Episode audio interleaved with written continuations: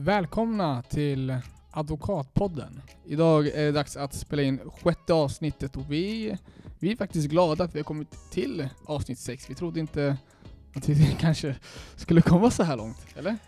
Alltså jag trodde att vi skulle sluta efter avsnitt eh, ett eller två. Ja. Men nu är vi här och eh, vi har faktiskt en väldigt eh, intressant eh, gäst med oss idag. Nämligen försvarsadvokaten David Massi. Och vad ska vi prata om idag Elias? Idag ska vi prata om ett väldigt viktigt ämne faktiskt för alla advokater som är verksamma där ute i branschen. Nämligen konsten att plädera. Precis, och vi kommer bland annat gå in på vad det innebär att plädera samt om det skiljer sig åt mellan amerikanska och svenska domstolar. För man har ju sett mycket så här Law and Order och Suits och de här och då står ju de och skriker. Ja, så vi vill veta om det skiljer sig åt då. Eh, Men vi ska också gå in på om eh, David Massi själv någonsin har eh, gjort bort sig helt enkelt vid någon plädering. Så om du funderar på att bli advokat, eller om du är advokat, eller om du bara är allmänt intresserad, så tror jag att ni har väldigt mycket att vinna på att lyssna på David. Bra råd Elias, nu kör vi!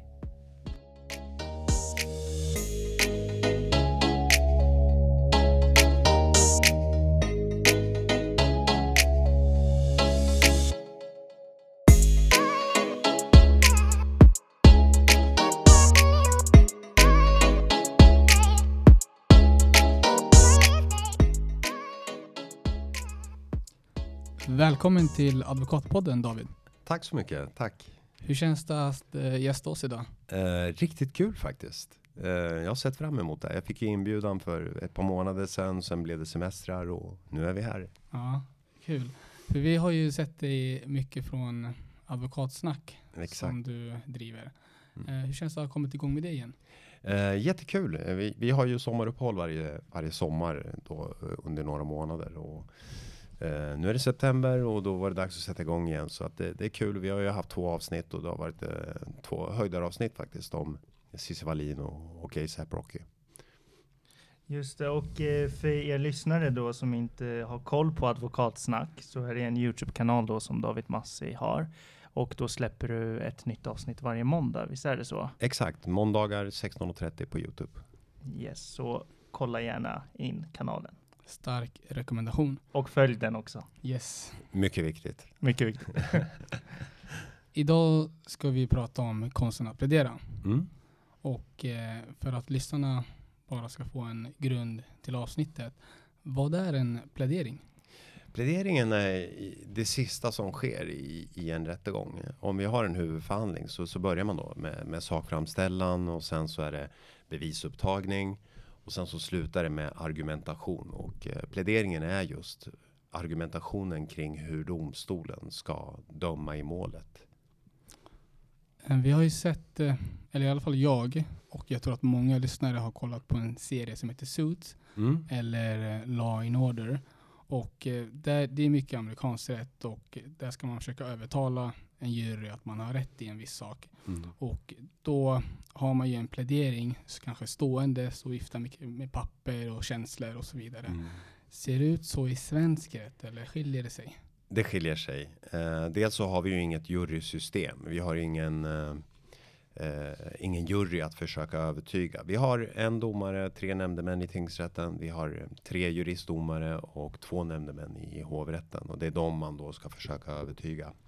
Däremot så kan man, när det handlar om eh, vilken position man har, om man då sitter ner eller står upp, så får man stå upp och plädera. Men man går inte omkring i rättssalen på det sättet som man ser i amerikanska filmer, utan ofta så har man sin position bakom, bakom bänken där. Eh, och de flesta, de absolut eh, flesta advokater, de sitter ner och pläderar. Hur kommer det sig då? Jag tror att det bara jag, jag känner några advokater som ibland reser sig upp och eh, pläderar. Ja. Och jag har gjort det också några gånger. Eh, men eh, jag vet inte, det är väl kanske den här tryggheten eller vad det nu kan vara om att liksom sitta ner och prata. Man har mer en, en diskussion med, med, med domstolen än snarare att man liksom försöker liksom starkt gapa in eh, pläderingar eh, in i domstolen. Så att det, det är möjligtvis kulturellt också att vi sitter ner här i Sverige oftast.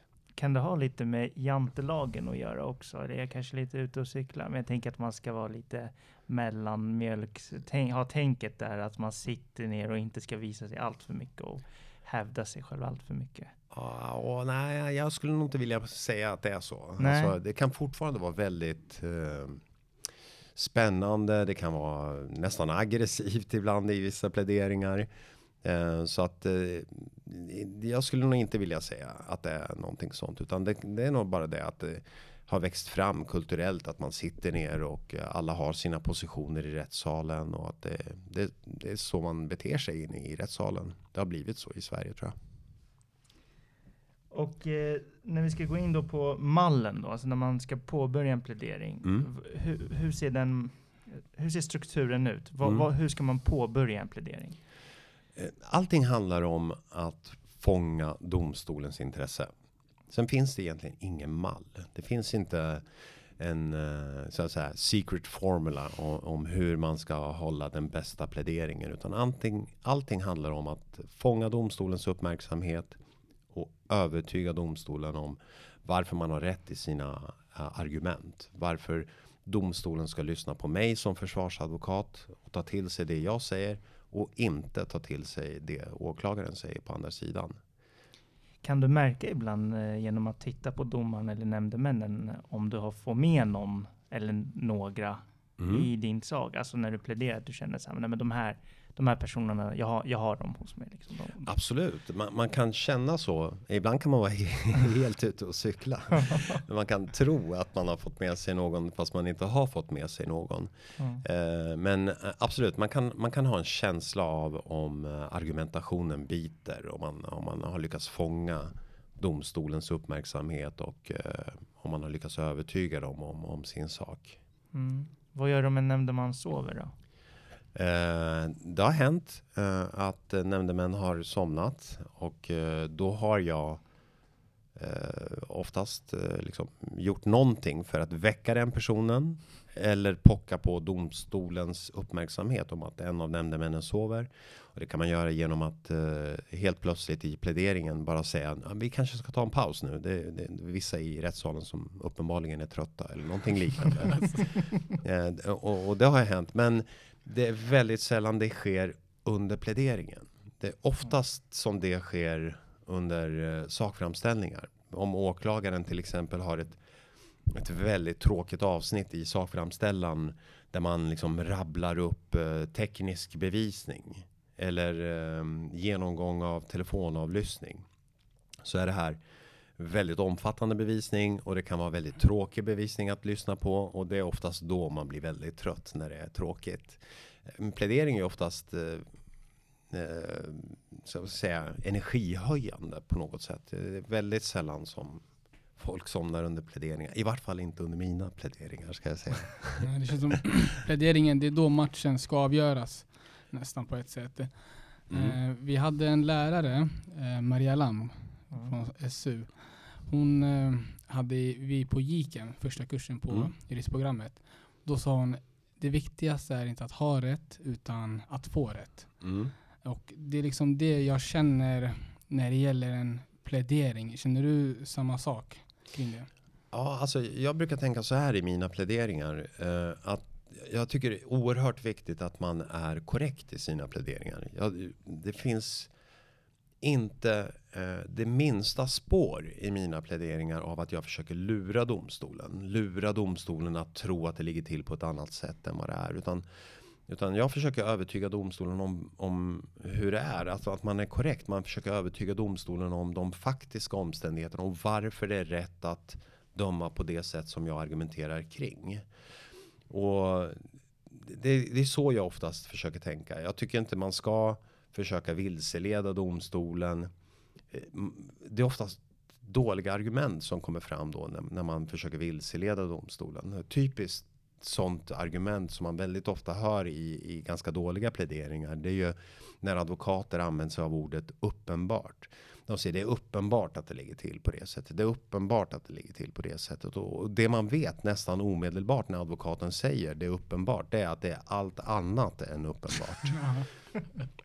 Så det, det är att försöka vara saklig, korrekt och försöka övertyga domstolen om, om, de, om de faktiska omständigheterna. Jag tycker att det är väldigt viktigt att inte vilseleda utan snarare att vara korrekt och istället försöka övertyga om hur jag tänker och få dem att tänka på mitt sätt. Kan du ge andra tips, eh, eller inte tips, eh, andra exempel på saker som man inte ska göra i en plädering? Mm. Alltså the big don'ts. Ja, det, det finns massor eh, som många ägnar sig åt och, och jag blir ibland förvånad över hur många eh, erfarna advokater, advokater som har jobbat i många, många år, ägnar sig åt att referera vad som har hänt under förhandlingens gång.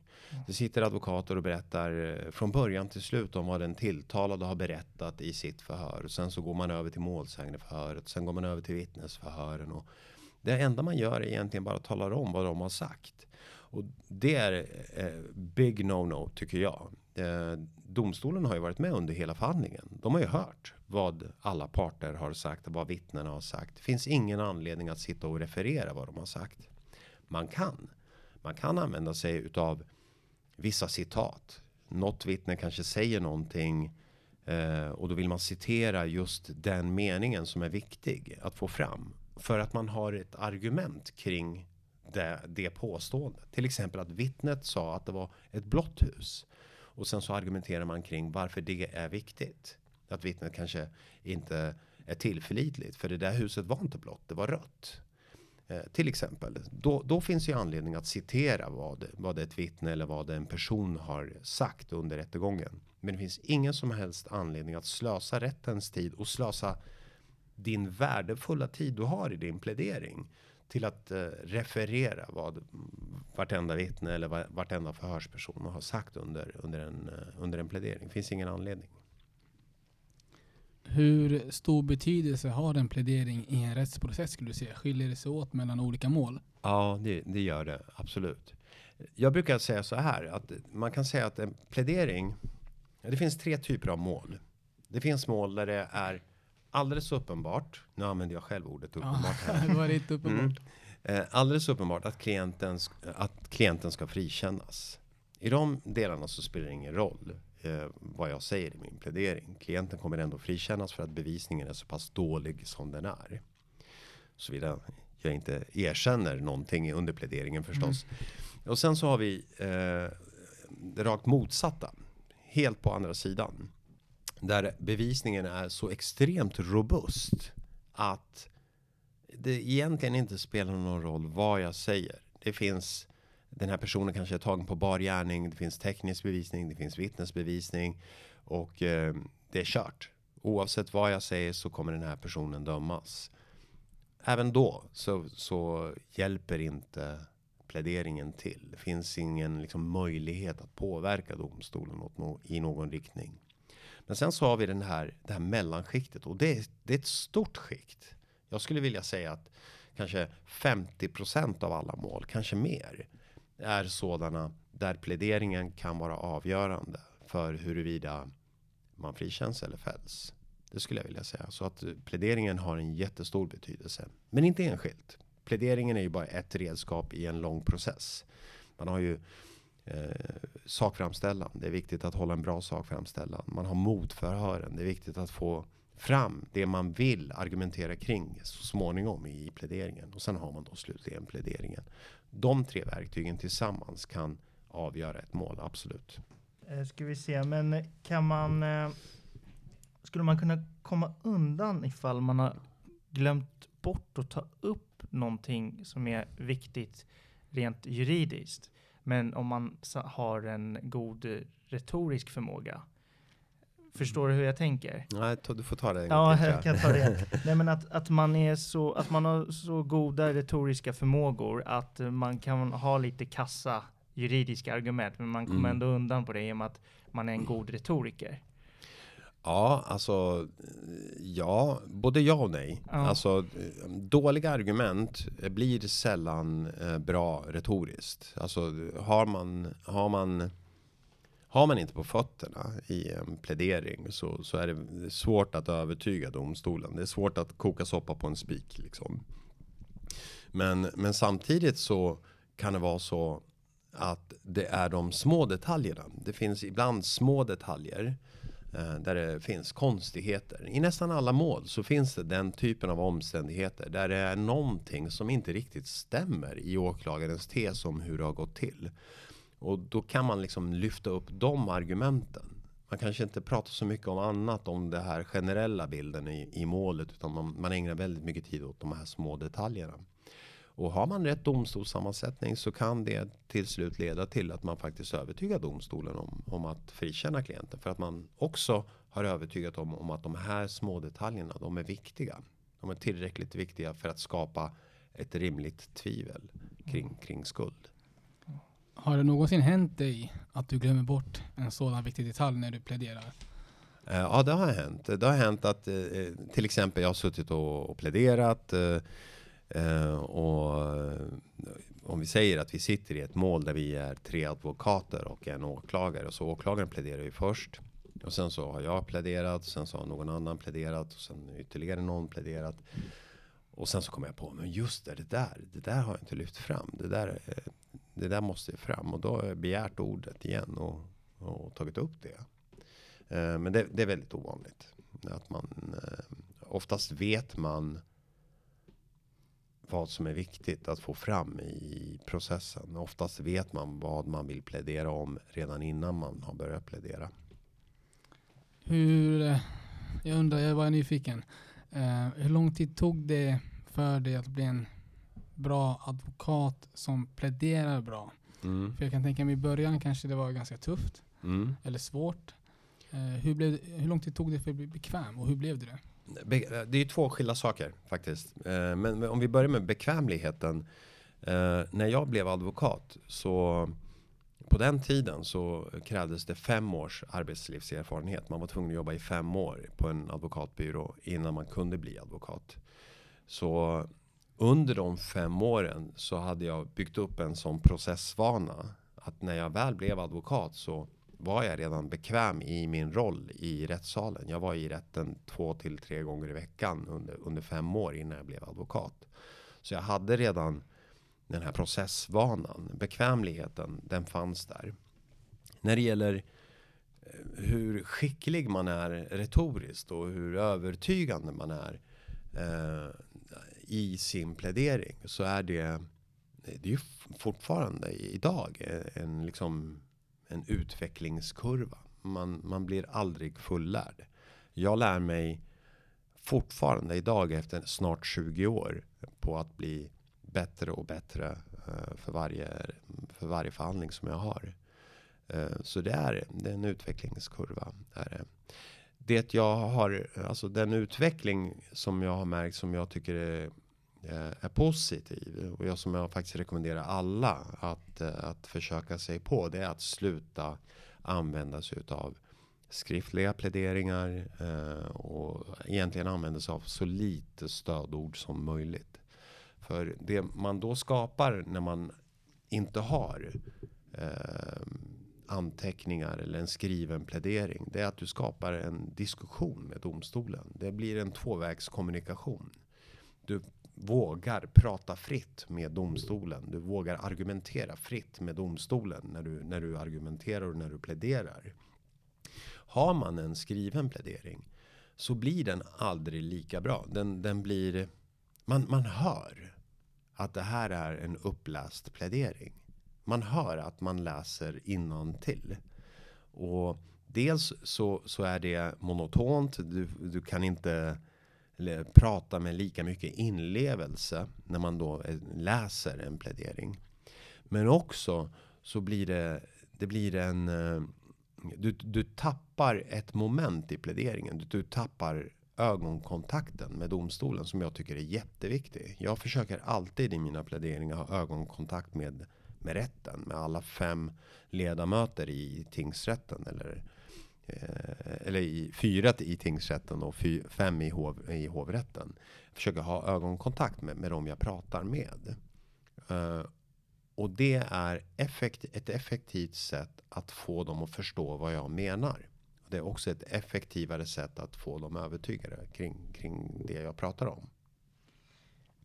Vi hade ju tänkt också fråga dig det här med powerpoints och Ja. eh, i och med att det är 2019 nu och tekniken har ju gått framåt. Eh, hur känner du kring det då? Men jag upplever att du är emot powerpoints också. Nej, nej, nej, Inte? Nej, okej. tvärtom. Ja, okej. Jag använder själv powerpoints. I, Aha. i, ja, i jättestor utsträckning. Ja. Särskilt i större mål där det är, eh, eh, där det är eh, långa pläderingar. Mm. Då använder jag väldigt ofta powerpoints. Eh, jag tycker det är oerhört effektfullt. Alltså dels så övertygar du domstolen med ord och med den här kommunikationen som jag precis pratade om. Eh, och dels så övertygar du dem även visuellt. Mm. De får se någonting. De får se det beviset som jag pratar om på skärmen. Mm. Så powerpoints kan vara oerhört effektivt om man använder det på rätt sätt. En del använder det på ett helt felaktigt sätt. Där det är egentligen en powerpoint bara en, liksom bilder på text. Det- jag faktiskt pläderar om. Ja, det var det jag tänkte lite, att det blir lite som en anteckning. eh, Ja, nej. Mer än ja, en... eh, ja, det är jag helt emot. Ja. Det tycker jag är helt fel. Utan powerpointen ska användas som liksom ett extra hjälpmedel i, i att övertyga domstolen. Och det jag använder mina powerpoints kring det är till exempel kartbilden som jag pratar om. Och, och sen så när den här kartbilden läggs upp på skärmen så vill jag övertyga domstolen om att det är omöjligt att min klient kan ha befunnit sig på den här platsen för nästa slide i den här powerpointen visar var mastuppkopplingarna finns för hans telefon. De fanns på en helt annan plats och då kan han inte ha befunnit sig på den här platsen. Alltså är han oskyldig. På det här sättet så, så använder jag mig utav powerpoints och då kan det vara oerhört effektfullt. Men däremot använder jag mig inte av powerpoint som någon form av eh, anteckning till min plädering eller stödord till min plädering. Det tycker inte jag är, är eh, det, är, det är inget bra sätt att argumentera och övertyga domstolen på. Vi har ju fått in en fråga också på våran Instagram Mm. inför det här avsnittet. Och eh, du har ju varit länge i branschen. Mm. Hur många år då? Eh, snart 20, 19 och ett halvt år. Ja, då kan jag tänka mig att du förmodligen kanske har stött på eh, flera domare ett Mm. flertals gånger. Mm. Kan det vara så att du vet vad den här domaren gillar Ja. och du vet vilken stil en annan domare har? Är det något man anpassar sig efter? Mm. Eh, men det gör man. Ehm, och ibland kan det vara så att man vet eh, att den här domaren eh, eh, tycker om liksom korta sakliga pläderingar. Men jag vet att den här domaren inte tycker om långdragna processer. Då försöker jag koncentrera, för att jag inte kan, jag vet att jag inte kan fånga hans uppmärksamhet under en längre tid. Och då försöker jag korta ner mina pläderingar, göra dem så, eh, så kompakta som möjligt. För att eh, han ska få de här sakliga argumenten. Eh, för att övertyga eh, honom då om, om att min sak är rätt. Sen finns det andra domare som, som uppskattar dramatiken. Eh, och då, då kanske man pläderar på ett annat sätt med, med, med mycket mer inlevelse. Man, man pläderar längre. Man ägnar sig åt metaforer och liknelser i sina pläderingar. Och sen finns det ytterligare liksom ett segment domare där man kanske inte känner domaren. Man vet inte riktigt. Men man får en känsla under pläderingen kring Eftersom jag då har ögonkontakt med dem så vet jag ju, jag ser ju på domaren om det jag säger låter intressant eller inte. Och då kanske jag lägger ner mer energi på just det argumentet som jag är inne på om jag märker att det finns ett intresse kring det. Så som jag förstår det rätt, det, självfallet så måste man planera väldigt mycket dagarna innan. Eh, för, för att det ska bli en så bra plädering som möjligt. Men i stundens hetta så kan det vara så att du gör justeringar då. Absolut. Ja, eh, ja, ja absolut. För att anpassa till situationen då. Ja. Ja. Det finns tillfällen då jag har valt att helt, helt, alltså under förhandlingens gång, precis innan min plädering, så finns det tillfällen då jag har valt att inte alls plädera på det sätt som jag tänkte från början. Och då pläderar jag på något annat sätt. Och det är vanligt att det är så. Var det inte läskigt första gången när du gjorde något sånt? jag skulle vara livrädd alltså. Ja, nej, nej jag, jag, tror, jag tror inte det. När man, när man har när man har vågat ta klivet ut Mm. eh, och inte använda sig av vare sig skrivna pläderingar eller anteckningar, alltså stödanteckningar. Eh, när man har vågat ta det steget så lär man sig att leva med den, med den pressen under en förhandling. Eh, man lär sig att anpassa en plädering beroende på hur förhandlingen utvecklas. Jag kan säga så mycket att när det gäller när det gäller eh, hur välplanerad en plädering är så är det ganska sällan som jag har suttit och liksom jobbat med min plädering eh, flera dagar i förväg. Det sker i hovrättsmål, för där vet jag redan. Jag vet redan från början vilken bevisning som kommer att spelas upp. För i hovrätten så har vi ju ljud och bildupptagning utav vittnesförhören. De kommer inte förändras i hovrätten. Så därför vet jag ifrån början. Den här bevisningen är den bevisningen de har lyssnat på innan min plädering. Och då kan jag planera min, min plädering i förväg. I tingsrätten är det inte alls på det sättet. Så i mindre mål, så här en två dagars förhandlingar. Där är det väldigt sällan som jag förbereder min plädering eh, innan rättegången. Utan där är det oftast så att jag liksom Eh, Eh, jag låter pläderingen utvecklas i mitt huvud under förhandlingens gång. Jag gör lite anteckningar i ett anteckningsblock eller på min dator. Eh, om saker som jag liksom reagerar på under ett vittnesförhör eller målsägande förhör. Och sen så använder jag mig av dem i min plädering.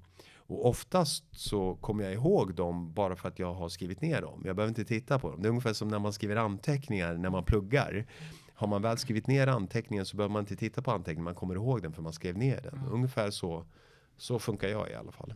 Om vi ska nörda ner oss lite djupare mm. i det här med pläderingar. Du talade lite om ögonkontakt. Mm. Hur, hur arbetar man med den? Jobbar man från nämndeman till nämndeman och försöker sälja in det man har att säga? Och få med sig någon nickning och sen kanske någon inte nickar, då hoppar man över till nästa och försöker kämpa med den. Eller hur fungerar det? Ja, man kan, jag kan säga så mycket att man, man ser oftast på vilka miner nämndemännen har för att uh, veta om de håller med en eller inte. Så att, uh, och, och, då Oftast så försöker jag rikta in mig på, på att prata med, med ordföranden i målet, alltså den juristdomaren i målet. Det är den personen som jag känner ett störst behov av att övertyga. Men jag låter alltid, jag försöker se till att liksom, ska man säga, innefatta alla ledamöter i min plädering så att jag faktiskt ger tid åt, åt alla i pläderingen. Det, jag, jag tycker det är liksom jag tycker det är viktigt att göra det. Eh, att man liksom tittar på hela rätten. För alla har ju lika, lika stora röster. Alltså. De är, alla röster är lika mycket värda. Eh, men det är också så att eh, det blir, man, man, kan inte stirra på en person hela tiden när man pläderar. Utan man låter blicken fara eh, mellan dem. Och sen kan det vara så att en person som man ser liksom tittar mm. väldigt eh, ska man säga, fult på en. Ungefär som att den där klienten du har är tokskyldig. Då kanske jag lämnar den, den nämndemannen och tittar mer på de andra istället. Vad är det roligaste som du har sett eller hört någon kollega göra i en plädering? Du måste ha varit med om mycket ja. saker. Det är bara att kasta ut det. Ja, jag vet inte. Oj, det var en svår fråga faktiskt. Ja, det har, det har hänt. Egentligen, det, det, en av de roligaste grejerna som jag, som jag tycker, eller en rolig grej som, som jag har eh, sett under en rättegång. Det var faktiskt inte under, under pläderingen utan det var under personalia-delen. Precis innan pläderingen så har man personalia-genomgång utav, utav eh, eh de tilltalades personliga förhållanden. Och det här målet rörde en, en, eh, ett flertal grova stölder och genom inbrott. Och sen så fick eh, eh då hade vi personalen genomgång för en av de medtilltalade, inte min klient. Och advokaten frågar oss sin klient eh, om hur han ser på framtiden. Vad vill han jobba med? Och klienten säger då att ja, men jag ska öppna ett säkerhetsföretag. Jag ska sälja säkerhetssystem till till, eh, till hus, till fastigheter. Och det gjorde att ordföranden i det här målet började asgarva. Just tanken på att den här killen som är åtalad för inbrott eh, ska sälja säkerhetssystem till privatpersoner. Och när domaren började garva så började hans advokat att garva. Och när hans advokat började garva då började alla garva. Så att det, Det blev så här, så här skrattnoja inne i rättssalen. Eh, men det finns, det finns väldigt många roliga advokater som, som pläderar på ett, på, ett ro, på ett roligt sätt. En del är ju, drar ju dikter i sina pläderingar, en, dre, en del drar skämt i sina pläderingar. Eh, som kan vara väldigt roliga eh, emellanåt. Just nu kommer jag inte på någon faktiskt. Någon, någon anekdot från, från någon händelse. Ja, men jag tänker på han den här klienten som du pratade om nyss, att Mm. han ville starta ett säkerhetsföretag. Det, det är inte så dumt i och för sig. Nej absolut, han har ju kunskaperna Ja, om vad som behövs. Precis, det var ju det som var så kul. Ja, men exakt så. Jag tycker att, eh, jag hoppas han har liksom startat något i alla fall. Ja, jag har inte träffat på honom igen i alla fall, så Nej. det, det är möjligt att han lyckades. Ja, Det påminner lite om den här tv-profilen Anders Adali.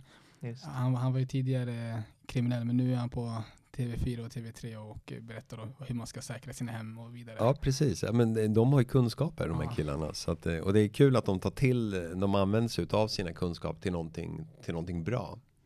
Förutom dig själv, Mm. ehm, vilken eller vilka advokater tycker du är duktiga på att plädera?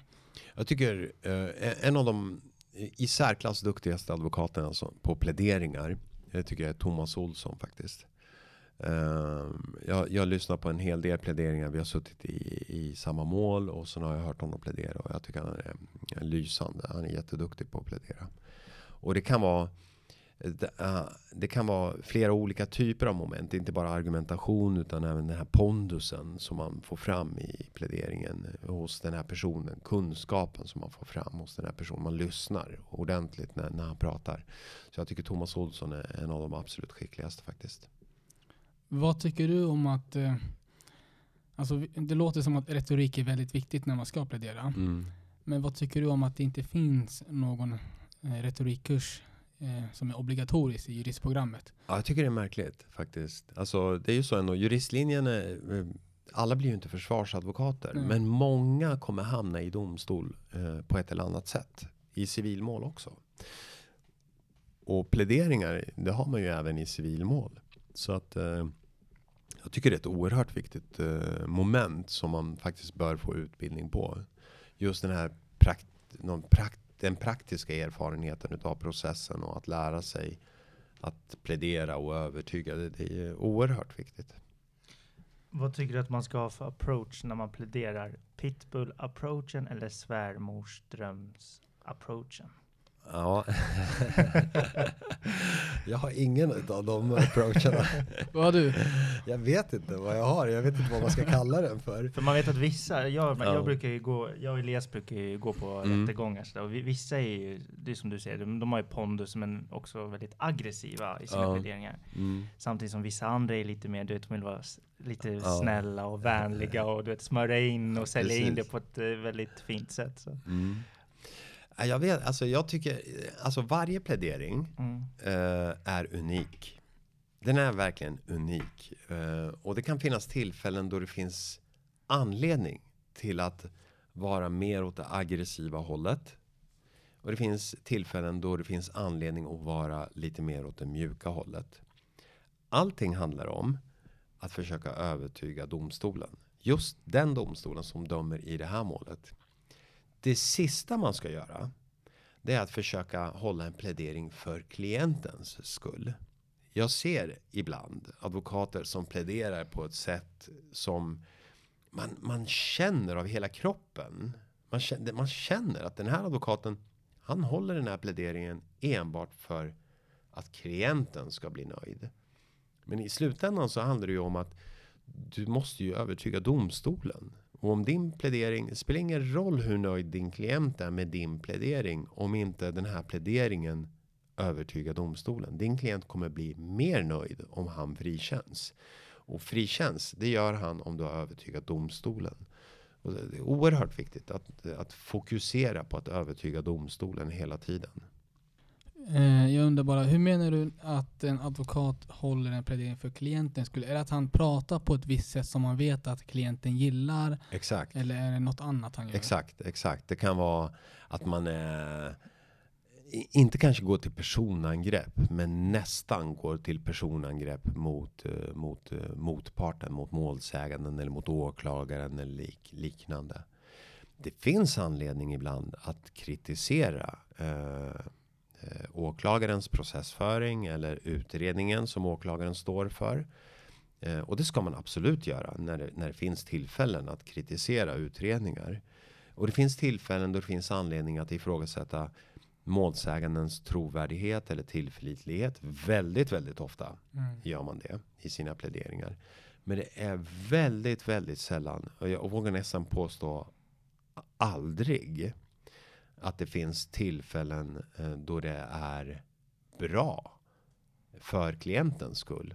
Att man går över till personangrepp mot, mot åklagare eller, eller eh, motpart, målsägande. Eh, med det sagt så vill jag ändå understryka att det är väldigt ovanligt att advokater gör det. Det, det är väldigt, väldigt sällan advokater ägnar sig åt personangrepp. Men det händer ibland. Mm. Och när det händer så ser man nästan omedelbart att det där det sades för att göra klienten nöjd och ingenting annat. Men det här sättet att plädera på, det som du säger, att man pläderar bara för att göra klienten nöjd. Mm. Är det vanligast hos unga advokater eller hos äldre advokater eller spelar det ingen roll alls? Nej, det spelar ingen roll. Det, det, kan vara, det kan vara både unga och oerfarna advokater och det kan vara jätteerfarna advokater som har hållit på i, i, i branschen i många, många, många, många år. Mm. Det händer från, från, eh, ja, från alla advokater faktiskt.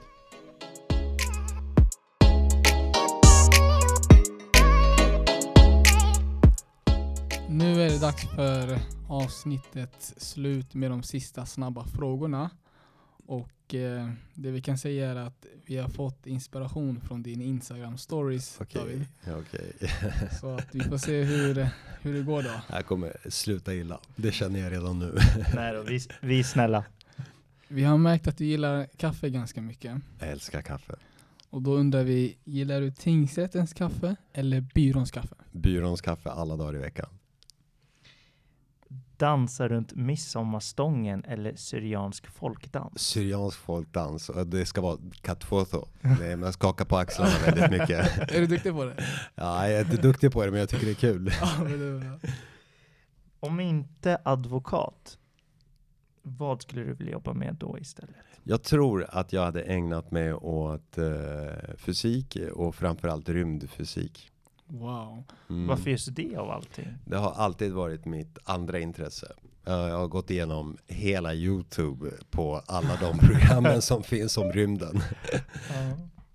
Men fysik, då är det, det är ganska mycket matte då också inblandat. Mm. Det känns som alla jurister på, alltså, på juristprogrammet säger ja, men jag, vi valde juri- juridik för vi är dåliga på matte. Ja, jag är duktig på matte. Det brukar vara ett skämt eh, Ja, som läraren säger alltid så här, ja men ingen är bra på matte här, det är därför ni har valt Ja. juridik. Så. Men, Ja, nej, jag, jag älskar fysik och matte. Det är Ja, min men- grej. Coolt.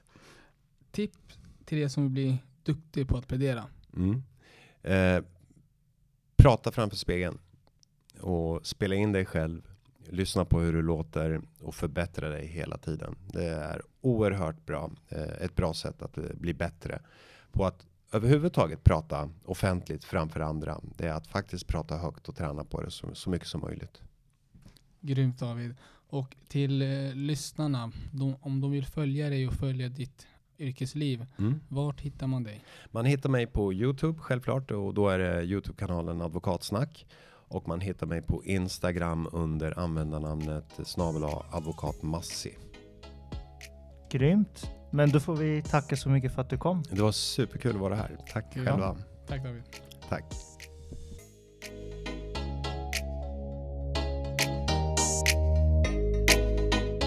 Nu har vi bränt av eh, första avsnittet för den här terminen och eh, jag kände att det blev ett eh, jävligt bra avsnitt och eh, jag hoppas att lyssnarna är glada över att vi är tillbaka. En grym start med en grym advokat, David Massi. Det där rimmade också. Det gjorde det? Ja, det gjorde det faktiskt. Grym start. Ja, men jag, tänkte, jag tänkte inte ens på det. Men en annan viktig sak också som folket inte får glömma. Hörni, det här är det här är viktigt meddelande faktiskt. Glöm inte ge oss fem stjärnor på iTunes. Glöm inte det. Eh, Och glöm inte heller att följa oss på sociala medier. Instagram, Twitter och Facebook. Och kom inte med några ursäkter och säg att ni inte har Facebook eller Instagram eller Twitter. För något, något av dem måste ni ha. Nej, skämt åsido. Men vi blir jätteglada om ni följer oss. Sen om du är jurist eller advokat och vill medverka i ett avsnitt, släng iväg gärna ett meddelande till oss till advokatpodden at gmail.com. Nu tycker jag att vi stänger verkstaden Elias och säger hej då. Det tycker jag också. Hej då!